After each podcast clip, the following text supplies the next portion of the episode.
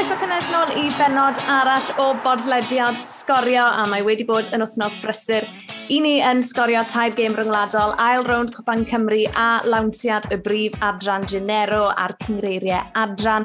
Gyda'r gêm fyw rhwng Met Cyrdydd ac Abertawe, oedd hwnna'n fyw ar sgorio dros y penwthnos, ond fi a Dylan Ebenezer wedi llwyddo i ffindo awr fach sbar i recordio'r benod yma. Dyl, ti'n oce? Okay? Ni'n cadw fynd.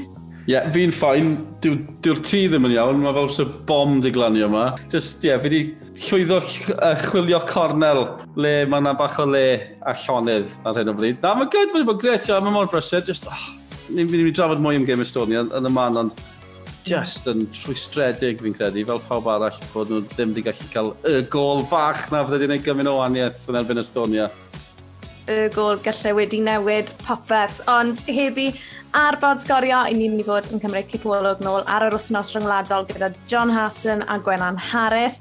Ni'n mynd i fod yn edrych mlaen i ben wythnos o Bale Drod yma yng Nghymru a chawn glywed gan Emlyn Lewis am ddiffynwr Met Cyrdydd ac Antonio Corbisero, reolwr Aberystwyth, cyn y gêm fyw rhwng Aberystwyth a Met Cyrdydd dydd Sadwrn.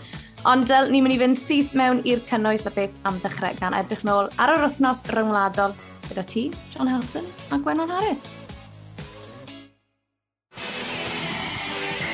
A Cymru wedi methu tipio chwech pwynt fel o'n nhw'n dymuno gwneud wythnos yma. Pwynt cynta Estonia yn y grŵp. A Gwennan, falle bod hynny yn dweud mwy nag unrhyw beth arall. Mae'n wedi colli bob gêm. Cymru, beth ath o'i le heno? Wel, i chwarae teg i'r sôn nhw'n disgybliedig iawn, siap nhw, a chi'n gallu gweld nhw'n drefnus. Mae nhw wedi dod fan hyn gyda'r strwythyr yn y chwarae yn amddiffynol. O ran Cymru, nath ni creu fwy o cyfleoedd yn, hanner, yn yr ail hanner, so mae mae'n bod yn fwy positif gyda hynna. Ond i fi, unwaith yn ragor, pam nag oes newid i'r system, ni'n chwarae gyda, ni'n chwarae lan yn erbyn un am lot o'r ail hanner, mae gyda ni dau cefnwr sydd yn weddol amddiffynol, a wedyn dau chwaraewyr canol cais sydd yn amddiffynol. Pa chi chwarae yn erbyn fwy, o chwaraewyr amddiffynol o ran pimp yn y cefn, mae angen fwy o chwaraewyr ni, chwaraewyr ymwysodol yn uwch lan y cae. Fi da ddim yn deall, o'n i'n trio dod o Brennan Johnson ymlaen gyda un munud i fynd. Pam nag oedd e ddim wedi dod ymlaen am yr ail hanner a tynnu un o'r chwaraewyr uh, canol cae off. Jyst bod gyda ni fwy o chwaraewyr uwch lan y uh, cae symud bloc nhw, achos mae'r bloc yna mor anodd i, i torri lawr. Noson rwystredig iawn, John, um, yeah. cwestiynau am dactegau Robert Page heno falle? Wel, sy'n bod, mae'n haws nawr ar, ar ôl y gêm um, i bod yn critical, ond mae rhaid dweud, oedd y chwaraewyr wedi rhoi popeth mewn i'r ail hanner, just one of those nights, ond ni methu cael y bel yn y gol. Ti'n bod, ni wedi bwrw'r bost, postyn, ni wedi creu chance ar ôl chance, Tyler Roberts wedi mynd trwy ddo one-on-one, -on -one Harry Wilson gyda great chance ar, an, an y munud cynta. Os ych chi ddim yn clinigol a chi ddim yn canwyd eich chances, yr un peth na digwydd yn elbyn Belarus sydd wedi gwir. Mae Gareth Bale mae wedi cael ni mas o toll mawr ar y penwthnos a sgori hat-trick. O'n i da un i lawr, mae Gareth Bale yn troi. Gareth Bale yn, yn magnificent eno. Mynd ymlaen, mynd ymlaen, oedd e just un o'r noson na ble oh, just, o'n i jyst eisiau sôn bach o look. Oedd chances dyn ni yn y gêm, o'n i'n ardderchog yn yr ail hanner, gallen ni wedi ennill y gêm, ni wedi gwneud popeth i trio ennill y gêm, oedd e jyst yn noson pryd oedd e jyst ddim wedi mynd amdano i mynd i ni, Ti'n mor ffordd ni.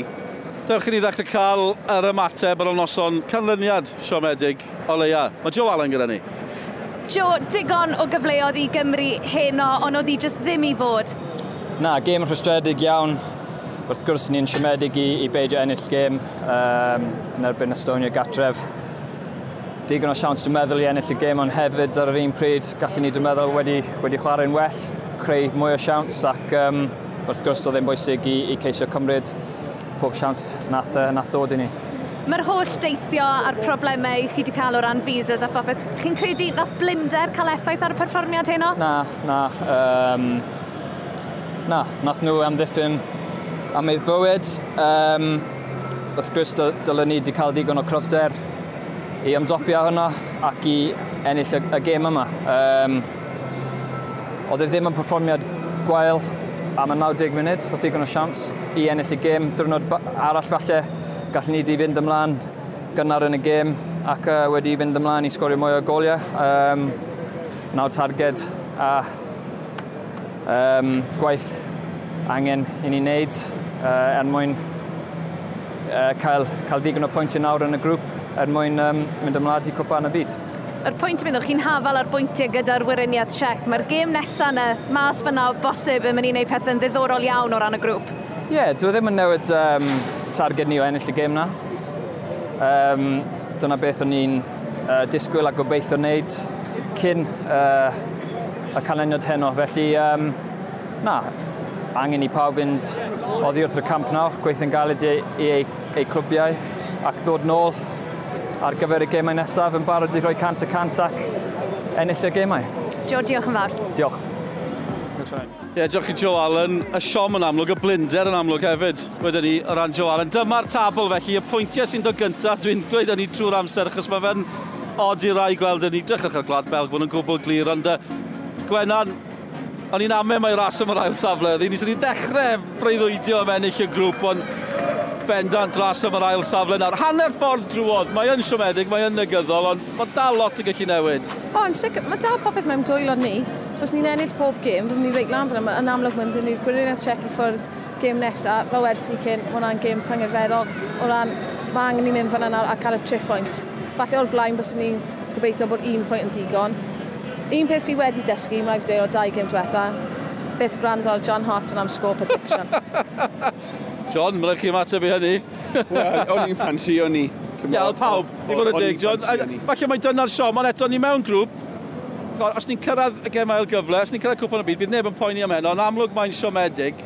Peder gêm i fynd, digon amser i newid pethau?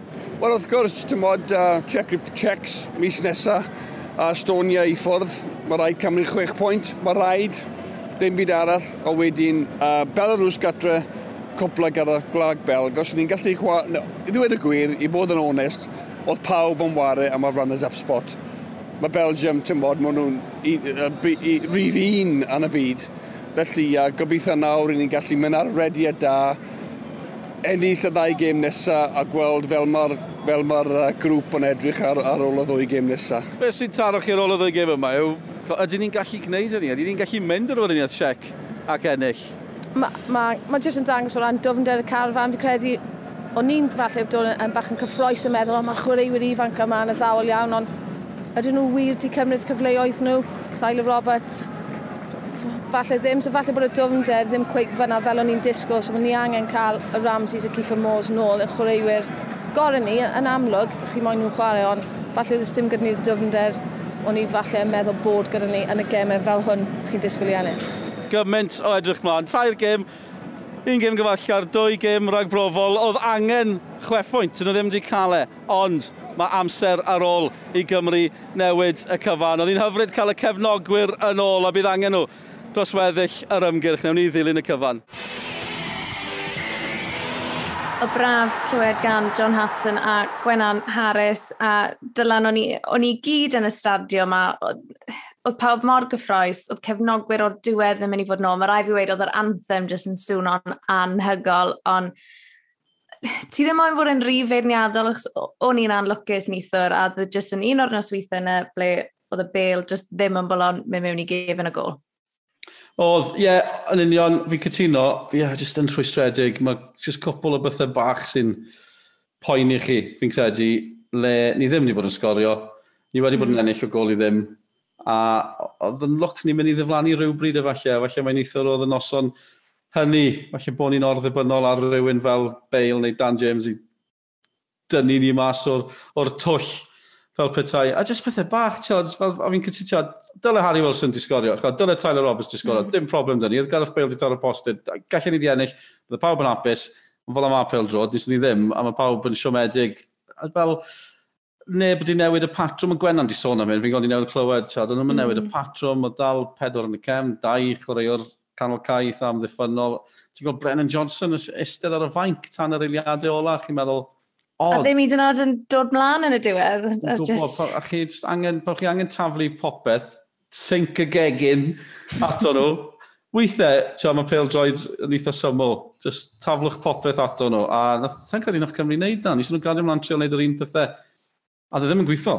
A nes nhw ddim hmm. newid e. A fi just yn meddwl, a fi'n gwybod mae'n siŵr o fod chwarae am yr ail safle o'n i o'r dechrau yn y grŵp yma. Ond oedd yna gyfle bach i fynd o'i lawr i'r gêm ola A tas ni'n cyrraedd y gem ola neu yn Belg, pwy o oer, ti'n o'n peth. Doedd yn fel mm. rygbi, dwi'n gweld mae'r rygbi, so, so mae'r tîm gorau fel Belg, os yw nhw fel Zela Newydd, os yw Cymru fel Rwmania yn rygbi na rhywun gymaru fe, maen nhw'n sgorio 50-60 o bwyntiau. Ac dwi'n digwydd yn pildrod. Un i ddim, oedd y Gwlad Belg yn Belarus hefyd. Jyst bach yn rhwystredig. Ond del o ran y gemau rhag brofol, maen nhw'n dychwelyd ym mis adref, a maen nhw gyd yn fyw ar sgorio. O, mae'n fod yn gret. Felly, uh, nos Wener yn Prag, unrhyw'n ffansio honna. Mae cefnogwr Gymru'n cael mynd, mae lot i trefnu yn barod, a wedyn yn siacodd i cartre, wedyn Talyn, So, ie, yeah, penwthnos braf i rai yn uh, Estonia, a wedyn uh, tachwedd dwy gym gartre, Belarus a Belgi, orffen y grŵp pwy o wirlyf fyddwn ni erbyn hynny. Mae'r gêm nawr yn uniaeth siec nawr, jyst yn enfawr. Mae ni, ni wedi chwarae gêm y llain yno, a mae'r head-to-head, fel maen nhw'n gweud, sy'n ni'n cael pwynt mm. fan yna ni mewn safle da i orffen yn ail. Yn bendant. Gallen ni wedi gorffen ar y brig. Na fe sy'n ffain i fi. Ta fe, na i stopio cwyno. Reit, wel ymlaen i benwthnos fysi arall yn uwch gyngrair Cymru. Del newn ni ddechrau nos Wener, mae Cynarfon yn croesawu'r dirwyddon gynta am gwarter i oeth, a o'r diwedd, y dirwyddon yn dathlu yn Cwpan Cymru, wedi cael ei buddigoliaeth cynta nhw o'r tymor, ond o ran y gyngrair, dyw bethau dal ddim yn edrych yn gres o gwbl. Ie, yeah, ti'n be, oedd hi'n ddisgwr yn y gêm gwpan gysa nhw, na byn um, Hotspur Cergybi hefyd, uh, ennill yn y hmm. pen draw o'r gicio o'r smotyn. Um, mae'n mynd i fod yn benwthnos diddorol, a dim toriad rhyngwladol, ond oedd yna doriad achos Cwpan Cymru, felly mae'n ddifur edrych ar beth mae'r clybau wedi bod yn neud. Ie, yeah, Cefn yn mynd i Garnarfon, tio, chwarae Peder, colli Peder. Mae'n wedi sgorio un gol. Mae'n mor syml a hynny. Mae'n gwbl o gemau dal sylw penwthnos yma. Nwn ni siarad mwy am y gêm fyw yn y man Aberystwyth yn war y Met, gen i glywed gan rai o'r prif gymeriadau yn honna, ond tio, mae'n dati bala gael trwy'n ebyn Holford. Yw Holford ddim di ennill. Tio, un pwynt sy'n gyda nhw hefyd. Um, Pen y Bont ddim di ennill, ond maen nhw'n chwarae'n weddol, maen cael gem y cyfartal yn erbyn uh, Bala a Cei Conna. Nawr, mae Cei Conna a'r seintiau oedd i cartref yn wythnos yma, sy'n mynd i fod yn ddifur iawn. Felly mae Cei Conna yn y bari, a ni sôn am Ben y Bont, na le mae y seintiau newydd. Mae honna'n dal a sylwch chi, chos mae seintiau di ennill pob mm. gêm Ond ti'n er bod pen y bont ddim di ennill, mae hwnna'n rhyw ystadegyn eitha ffug achos mae wedi cael gemau e cyfartal ac ati. A un gêm sydd wedi dal yn sylwi, fi'n credu byddai'n gweud lot i ni am le mae'r clybiau yma. Mae uh, Flint yn chwarae dre newydd. Dau dîm nes i anwybyddu'n llwyr, Sionet. fi'n credu falle fi'n mynd i cael yng nghosbi. Dylen ni ddim di anwybyddu nhw. Tiod, Neil Gibson a Chris Hughes, mae dre newydd di ennill dwy gêm ddwetha nhw, mae Flint, dim ond colli neb yn y seintiau newydd Mae honna yn dal yn sylw i. A just, just y pwysau falle lawr ar y gwylod yn gynnar, ond pan ti'n gweld, ni sôn am cem ddim di ennill, holl ddim di ennill. Maen nhw angen dechrau datrys hynny'n barod, gen i weld beth ddaw. Ac o ran y gwedd ar llediad fyw, sy'n gyda sgorio Aberystwyth yn erbyn Met Cyrdydd. A dyl, gaf Met Cyrdydd ddim yn dechrau gorau i'r tymor, ond erbyn awr peder gêm heb golli. Mae fe'n tymlo fel, ers i Christian Edwards, wel, ers i'r newyddion dorri bod e'n gadael, mae hwnna rhywsyd di codi'r tîm a bod y chwaraewyr nawr yn sydyn reit yn dechrau perfformio. Ie, yeah, gen i glywed nawr, un o boys y met, achos uh, fes i siarad am Lewis, a, a holi union bwnc na, ti oedd y pwnc i amlwg, oedd cael ei chwalu da Flint yn y gêm gynta. Christian Edwards yn coeddi fod yn mynd, ond nhw'n gwybod cyn hyn, fi'n credu, oedd Christian Edwards wedi gweithio nhw spel nôl. Geith Emlyn esbonio'r cyfan i chi, a fi hefyd i holi Emlyn, Am, uh, mae yna wastad ystadegyn gremlin, yw e'n wir bod yn arfer, fe oedd y cyd-efed ar y ffarm yn ôl, yn ôl ystadeg ysgorio, felly hynny i holi os oedd hwnna yn wir yn beidio. Um, Emlyn, gred gweld ti, uh, Game fyw, pan wythnos yma, lan yn Aberystwyth, dim coet o felltir sglar, ond uh, digon agos. Siw mae pethau mynd hyd yn hyn tymor yma dy met? Um, yeah, gweddol rhaid gweud. Um, Trwy gathon ni uh, rocky start o'n nhw'n gweud, wnaeth yn erbyn am y ffydon, wedyn ddim yn Flint um, game cynta yn y, yn y Cymru Premier, colli 5-1. Um, oedd hynny ddim yn dechrau a da o gwbl. Um, dim, dim necessarily sioc enfawr ond oedd e'n oedd e'n braidd o wake-up call yn, yn Saesneg yn y sôn. So, so na, oedd hynny ddim yn gret. Um, a wedyn yn y bwysig, um, so bwnsio nôl a, a fod yn positif ar ôl y game hynny, so dyn ni wedi cael uh, dau gêm oedd i cartref, um, uh, a ddau gêm di sgôr. Um, so dim, dim, dim rhai i'r fans, ond, um, ond wedyn gathom ni gêm yn yr penny bont wein wrth ystweth neu, ie, yeah, pethau nosnol. Um, ar y nos fawrth, um, gêm, gêm agored, so a dda neis i cael um, cipio tri pwynt cynta um, yn y tymor. So, ydy, mae'r tymor wedi mynd yn reit, dechreuad twa, gweddol, um, ond nawr mae'n symud ymlaen, twa, wrth fel ni'n sôn, um, gêm mawr yn y Aberystwyth um, dros y penwythnos, a dyn ni'n pedwar pimp gêm enfawr nawr sy'n dod, dod i fyny, so na, dyn ni edrych ymlaen, ond fel ni bob, bob rhwng sôn, twa, cymryd un, un gêm ar y tro. Mae rai fi ofyn am, am y rheolwr, Dr Christian Edwards, croeddi bod yn uh, dod i ben, diwedd y tymor, oedd hwnna'n sioc i chi? Um, na, mae di sôn uh, ynglyn â gadael um, cwpl o weithiau, um, a nath y gweithio'r tîm diwedd tymor diwetha. Uh, Mae'r tymor yma oedd y tymor um, ola iddo fe fel, fel preolwr. Um, ond twa, mae pethau'n symud ymlaen. Um, a dwi'n gael cwpl o gwestiynau, twa, ni'n mynd i trial yn galetach y tymor yma, achos mae ma Swan i'n gadael, ond dim o gwbl, mae'r ma, ma um, standards mae fe'n cael, uh, mae fe efo fe fel ni, efo grŵp, Um, so mae mor uchel. Um, so fe, just fel tymor all, really. Um, wrth gwrs mae, mae Swan i'n gadael, ond so mae pethau'n symud ymlaen. Ond fel, mae'n mynd i fod yn wahanol. Dyna mae wedi datblygu'r clwb o lle oedd e'n Welsh League 3 neu beth bynnag oedd pan hynny. Um, lan i'r Cymru Premier, dyn ni'n ni, gobeithio to sefyll yn y Cymru Premier eto blwyddyn yma. Um, so felly mae'n gwneud yn, yn, yn, arbennig o dda yn y clwb. Um, ond hefyd mae'n rhoi siawns all um, y siawns i rhywun all i, i symud y, y glwb mlaen yn bellach hefyd. A ti sôn am mynd a dod, mae rai wedi mynd, mae rai wedi dod nôl fel Adam Rosgrove hefyd. Mae yna ma grŵp o'n chi sydd wedi mwyn bron fel o'r dechrau. Tio, mae pob tîm yn agos, ond a, a chi'n cael profiadau, bod chi'n mynd brifysgol, chi'n cael profiadau bywyd. Tio, mae'r profiadau chi wedi cael trwy'r tîm yma. Tio, dyna siwr yn aros gyda ti am gweddill oes. O, oh, heb, heb, heb os nac o'n i bai, tîm athyn ni um, athyn ni Ewrop oedd y tîm yna mor gryf. Um, ond wedi efo'n gilydd ers peder blynedd, tair peder blynedd fel, fel grŵp a nath neb gadael. So, pawb yn, pawb yn yr un man, pawb eisiau sefyll yn y clwb. A oedd hynny'n gret, ond obviously mae pethau'n symud ymlaen. A fel nes i dod, bobl yn mynd y dod, mae Rosg uh, obviously wedi dod yn ôl. Um, ond mae'r captain Fuller, um, mae'r captain Brad Fuller di gadael, Dylan Rees di gadael. Um, so mae lot o bobl di gadael hefyd ond fel dyn sôn, dyn ni'n ni grŵp sydd yn dyn iawn, dyn ni'n edrych rôl i gilydd.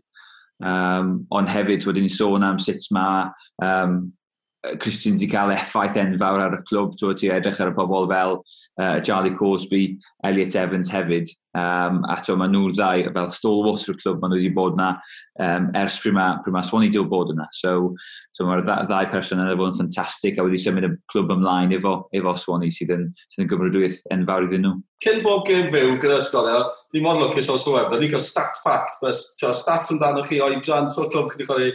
A mae un stat amdano ti sy'n trwy'r amser, ymlaen fi ofyn, os yw'n gywir, Mark ffarn Mae'n ffan, droi, Mae fe'n gweud, o ti'n arfer ymarfer trwy chas o'r defed rwy'n dy ceie y bwys a'r fyreiron. Yw hwnna'n wir, neu allai dynnu fe mas o'r stat back?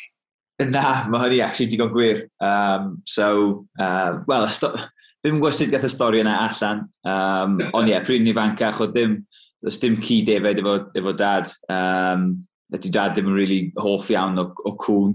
So, um, felly oedd e ar y beic, uh, a ni'n rhedeg rownd a cael ei defyd i fewn, neu mas, neu wyna, neu beth bynnag oedd e. So, fi oedd yn rhedeg rownd, a ddim oedd, well, oedd, oedd dad yn hela orders, oedd e gweud i draw, ond, uh, yeah, so cadw ffit trwy ddibeth bynnag. So, um, yeah, o'n i'n rhedeg rownd da, David, beth bynnag oedd nhw yn, yn, y ca, Uh, oedd ddim not o dewis dy fi. Um, yna pam dwi'n siŵr dwi'n dwi cyfarth o'r ci hefyd am beth waith ar, ar, ar, y pitch. So, uh, ydy mae'r stat yna digon gwir. Gwych, mi mor falch, cos ni wedi bod yn gweud y a sgorio. E, mae'n i gweithio, beth bynnag, beth bynnag nes ti i baratoi ar gyfer pel dod, mae'n i gweithio. Emlyn, diolch yn fawr iawn, edrych mlaen i bawr i warchu yn y gym fyw pen wythnos yma. Diolch i ti. Iawn, diolch, Dyl. Wel, fi'n gwybod pob tro byddai'n watchan Emlyn Lewis yn y Pil drod, yr unig beth bydd yn mynd trwy meddwl i yw fe'n redeg ar y ffarm yn redeg ar ôl y defed a'i dad yn gwyddi arno fe. Mae hwnna'n eitha ffynnu. Ond yn amlwg mae fe'n cadw ti'n ffit, Dylan? Ie, yeah, mae'n gweithio. Na gyfe, gwych. O'n i jyst mae'n cadarnhad o'r... Gobeithio mae dim myth oedd ni, rhyw urban legend, na gyfe. Na, Emlyn oedd y ci defed. Fi sy'n ni bod Christian Edwards jyst yn mynd gweiddi, come by, come by, away! Fydde fe'n gweithio? Emlyn jyst yn dilyn y cyfarwyddiadau. Mynd i chwith, mynd i dde. Corlannu'r ymwysodwyr. Um, fi'n dwlu ar Emlyn. Ti'n abod y boi, Ach, tia, nes ti, nes ti gwrs y Met Cardydd, ti'n abod y criw. Mae lot i gadael, fel oedd Emlyn yn gweud. Mae lot yn wedi bod yn mor hir, mae'n taro chi. Tio, maen nhw'n ffrindiau, mae nhw wedi cael profiadau anhygol da gilydd. Mae rhyw berthynas da gyda nhw. Bydd hi'n ddefnydd gweld sian beth ddigwyddith nawr gyda Christian Edwards yn gadael. Tio, asgwn ni os mae'n dyma penod ola y tîm ag o ran y Met, fi'n gwybod. Ie, yeah, mae fe ddiddorol. O'n i, o, oh, beth oedd e, 2018 nes i'n hwrs meistr una, a maen nhw'n grew anhygoel, a crew o voice lyflu, a Emlyn yn, yn un ohonyn nhw, ond ti'n eitha reit dal, achos i ni, ni wastad yn meddwl amdano nhw fel tîm y myfyrwyr, achos na beth o'n nhw, ond Tmon nhw'n fyfyrwyr rag, maen nhw, tmon, maen nhw gyd yn ei, yn ei geiniau canol, y geiniau cynnar a hwyr ac, ac ati, ond um, ie, na, fydd yn ddiddorol i weld unwaith mae Christian Edwards yn, yn gadael tymor un, byddai'n od iawn pyd o gweld Christian Edwards yn rheoli mes Cyrdydd achos bod wedi bod am siw gymaint amser. Ond ie, yeah, byddai'n ddiddorol i weld siwr maen nhw'n esblygu fel tîm a os maen nhw, twyd, os mae chreuwyr yn mynd i gadael, mwy o chreuwyr yeah. newydd yn mynd i ddod mewn, gefn ni weld. A be eitha, tja, ben eitha brifysgol, achos tja, o dim rhaid, mm. maen nhw wedi cadw fe fewn y brifysgol, a dim, as dim rhaid wneud hynny, nhw sydd wedi penderfynu gwneud hynny, mae'n cwpl o eithriadau wedi bod, boys yn dod o Bristol Rovers o'r fenthyg ac ati, yn yn y bôn, pobl sy'n gysylltiedig ar, ar brifysgol i nhw. Gewn ni weld beth aw, fan yna. Mae'n gêm fawr, maen nhw'n mynd i Aberystwyth.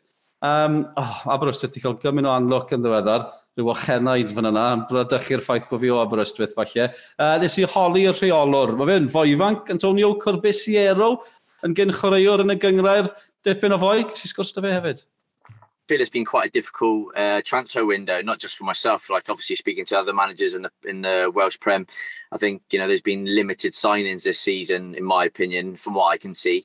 Um, but yeah, it's been it's been it's been enjoyable trying to get players on, trying to get players over the line. The players that we brought in, we're, we're really happy about. You know, that obviously where we're situated as well in, in mid Wales it's never an easy route, no matter where you come from, north or south. It's you know you're two hours from anywhere, so I think that's taken a big toll on us as well. And I think players have just thought, you know what, I'm just going to stick out. I want to make sure I get, I get, you know, 40 games under my belt in the season, and and that's where I think we've we struggled a little bit. But um, but like I say, with the boys that we brought in, been fantastic, and you know, it's, it's freshening up the squad for us. Um, legends, Made Marion Appleton, describe the place as trying to get players there. We got fish on one side and sheep on the other. I guess as someone from Aberystwyth, I'm allowed to say that. So that sums it up maybe by happy. It's exactly right. It's exactly right. And like you say, I, am not exaggerating when I when we say that me, Barry, Stu, and Gary have probably spoken to about 50 players over the course of the transfer window, and we've probably brought in six. So, you know, it's it's, it's one of them. Like you know, but like I say, you know, we, it's been a it's been a tough battle, but we're happy with where we're at. Um, how much do you hate 1 0 defeats at the minute? Three 1 0 defeats against, as you said, you know, Flint, Bala, Connors Key. Uh, yeah. Teams. So, uh, as a young manager, well, a new manager, uh, can you take heart from that or you just gut it all the time? No, no, no. Like I said to the boys, like, you know, it's like you say, we're all frustrated in, in how we've, you know, like you say, them one nil defeats and things, but we're we're creating chances, and that's and maybe that's just the flip side of things now. Um, it's just converting them. Um, you know, we had a really good win again the, the other day in the Welsh Cup against Aber Valley. Um, and I'm hoping that will take some positives going into the weekend. You know, uh, I think that's all. I think it's taken a, a, lot of time to be fair for the boys just to, you know, work off each other, the movement and things like I said. The Barry game, you know, I think we were we were superb that day, you know, and things came off really well. So again, in that game, Sam Phillips could have had a hat trick in the first half. Um, you know, Gregor got um, team of the week that week, and in my opinion, I thought Mike Mike Lewis for them was was fantastic, and he was lucky. I think I, I, messaged him after the game, and he, um, when the team of the week got noticed, and he's like, I didn't get it because we lost. So, but that's the way it is, you know, and you know. Uh, we're not we're not a million miles away in things. So we, we've we're so we're full of confidence. The the boys week in week out training things. Obviously, we've got boys coming from Manchester, Wrexham, Chester, Swansea, the Valleys. We've got boys coming from everywhere. So and they, they put a massive shift in every Tuesday for us, and they've been they put a massive shift in in every single game that we've had from so far. So I can't ask for much more than that. It's just it's just that fine fine lines now, isn't it? Just finally, uh, again, as somebody from Arb, everybody keeps calling, saying about the club, the uh, untapped potential, you know, sleeping giant. It's an old cliche, I know, but we've seen that with other clubs that have struggled. Come Carmarthen, you know, they've gone. Know, what do you think where are Aber right now? Because do you see the potential? But you know, it's, it's one of those, it could go either way, I guess, couldn't it? Yeah, definitely. The, the, the potential that we've got in the squad is huge, you know, and, and like you say, um, we're we're very hopeful, you know, and what we said at the beginning of the season that we want to be competitive in every game. Uh, you know, it's always easy just to go and say, "Oh well, we're all we want to be top six, we want to be top six. and that's that's got to be every manager's and every team's goal to be in the top six. But you know, we don't want to start throwing out there we're going to be a top six because then all of a sudden you don't get it. It's like, well, you've already told us your top six side. But you know, we, like we say, we want to be competitive in every game that we've been in. You know, Barry, Key, Flint, Bala, we have been that. Um, and then, like you say, it's just those just those fine little points that we need now, just to just to convert. And you know, and it, I, am hoping it won't be far away that we, you know, we go and do, you know, we go and do a team and we go and win three, four nil, whatever it may be, or even if it's just a one nil and we're under the cost, like you know, it doesn't really matter. But we're we're not a million miles away, um, and we're just, we're going to continue to keep working hard to make sure we just sustain ourselves um, and and keep on pushing. Diolch eto i Emlyn ac Antonio am i amser nhw a Del. Mae'r gêm rhwng Aberystwyth a Met Cyrdydd yn fyw ar YouTube a Facebook sgorio am cwarter wedi 5 dydd sadwn. O'n i'n ôl ar goedlan y parc am y tro gynta ers sa'n gwybod pryd. Edrych mlaen yn fawr. Uh, Costa del Ceredigion neu San Francisco Cymru, oedd Dave Doblygu'n galw Aberystwyth. Fi ddim yn mynd i ddadle Da hynny. Ie, yeah, fi'n sylwebu ti'n gyflwyno, byddwn ni'n barod amdani, ymunwch gyda ni, Prandis Adwn. O gan fod y cyfnod rhyngwladol drosodd i ni am droi ein sylw at Clybiau Cymru sy'n wario yng Nghyngreiriau Lloegr a dylan, dim ond un lle sydd i ddechrau a hwnna yw lawnsiad kit newydd, cas newydd, achos fi'n fan, ti'n fan, ti'n newydd wedi bod ti'n mynd i brynu. Fi'n cario. Um, e. trydydd kit nhw, I ddechrau da, allwch chi ddim mynd yn bell o'i le gyda citiau cas newydd, achos mae hymol sy'n neud nhw. A dwi'n caru citiau hymol ers, uh, ers nhw'n neud i'n Cymru yn yr uh, 80au. A uh, mae yna gwmnïau eraill ar gael, wrth gwrs, fi'n caru lot o grisau. Mae fe'n ffantastig, os chi ddim wedi gweld e, mae'n wedi gwneud rhyw uh, collaboration maen gael o fe, nage, gyda Goldie Looking Chain. Okay. Uh, y grŵp... Wrth gwrs bod nhw, wrth gwrs bod nhw. y pobl yn cofio Goldie Looking Chain, gret, mae nhw'n ffantastig. Mae fe'n rhyw fath o Burberry esg yeah, ar y Cris. Yeah. Mae fe jyst yn ffantastig. Fi'n caru e, a fi'n credu byddai'n prynu fe, i fod yn ollol onest. Felly, os ydych chi moyn dilyn style tips Dylan Ebs, cyrwch mas a brynu. Dim pawb sy'n gwneud na, fi wedi cael gyfyn y stick am y trainers Gwyn o fi yn ystod yn ystod mas yn y blaen. Dim bai fi o, bod Gwen yn Harris a John Hatton hefyd i troi lan mewn sgidiau Gwyn. Um, yeah, mae Cyrdydd yn chwarae Forest, na gyno, you know, mae Brennan Johnson yn mynd i sgorio yn efin Cyrdydd, na beth sy'n mynd i ddigwydd. Mm -hmm. A falle yw Cifo Mor yn mynd i fod yn chwarae, bydd hwnna'n gwylltio cefnogwyr Cymru. Os yw Aaron Ramsey yn chwarae Juventus pen wythnos yma, bydd hwnna'n gwylltio fi hefyd, mae rai fi gyfaddau. Mae Abertawe mm. chwarae Hull, Mae nhw wastad yn, yn gêm i ddod â atgofion i gyfnogwyr Abertawe, mae'n siŵr, Sioned. Odyn, ie. Yeah. Fi'n cofio yn tyfu lan. O'n i bach yn obsessed â hel am ryw reswm, achos oedd just wastad gemau mawr yn digwydd rhwng Abertawe a hel. Ond oh, Abertawe, ie, yeah, maen nhw'n beth ugeinfed, yn credu, ar ôl pimp gêm. Felly, nid y dechreuad gorau i Russell Martin. Joe Piro sgorio tair gol yn y bencampwriaeth ers ymuno o PSV dros yr haf, felly gobeithio gweld fe yn sgorio i'r eilirch, ond gewn ni weld yn bersonol fel cefnogwr. Fi'n becso, tyma bach, Del, ond ar ôl Cymru, sa'i moyn. Sa'i moyn bod yn rhan yn gyddol, fi'n trial, trial cadw'n bositif, a wedyn o ran... Sa'n moyn ti'n boi ni, byddwn ni gyda chi tymor nesaf ar rat fan y ben gymboriaeth. O, diw!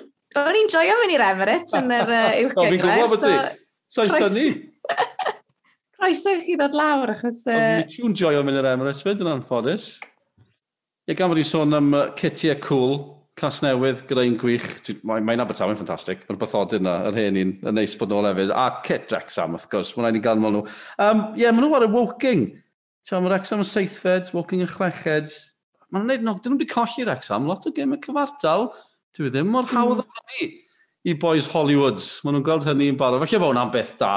Chi angen diweddglo dramatig i unrhyw stori Hollywood, ta beth, felly mae'n arbyg ewn ni o ran uh, Rexham tymor yma adael o ran gymau eraill sy'n digwydd yng Nghymru. Fi'n gwybod ti wastad yn joio cadw llyged ar beth sy'n digwydd yn y cyngreiriau is. Felly, off a ti. Pwy feddyliau bydde ail frandio rhywbeth yn wneud fi mor hapus? Mae fi'n wrth y modd ar uh, cyngreiriau is, yr, yr hain o dan Cymru Premier. O'n nhw'n chwarae'n cwpan Cymru hefyd, felly dim lot i bod yn digwydd. O ran y gogledd, uh, un gêm sydd wedi bod na ers ni fod gyda chi diwethaf ar yn y podcast, na Llandudno ennill yn erbyn Gresford. Mae Llandudnon un o'r clyfiau na tu o'r brig. Maen nhw'n drydydd ar hyn o bryd. Mae da chi cygydfa ar y brig sydd ddim wedi colli.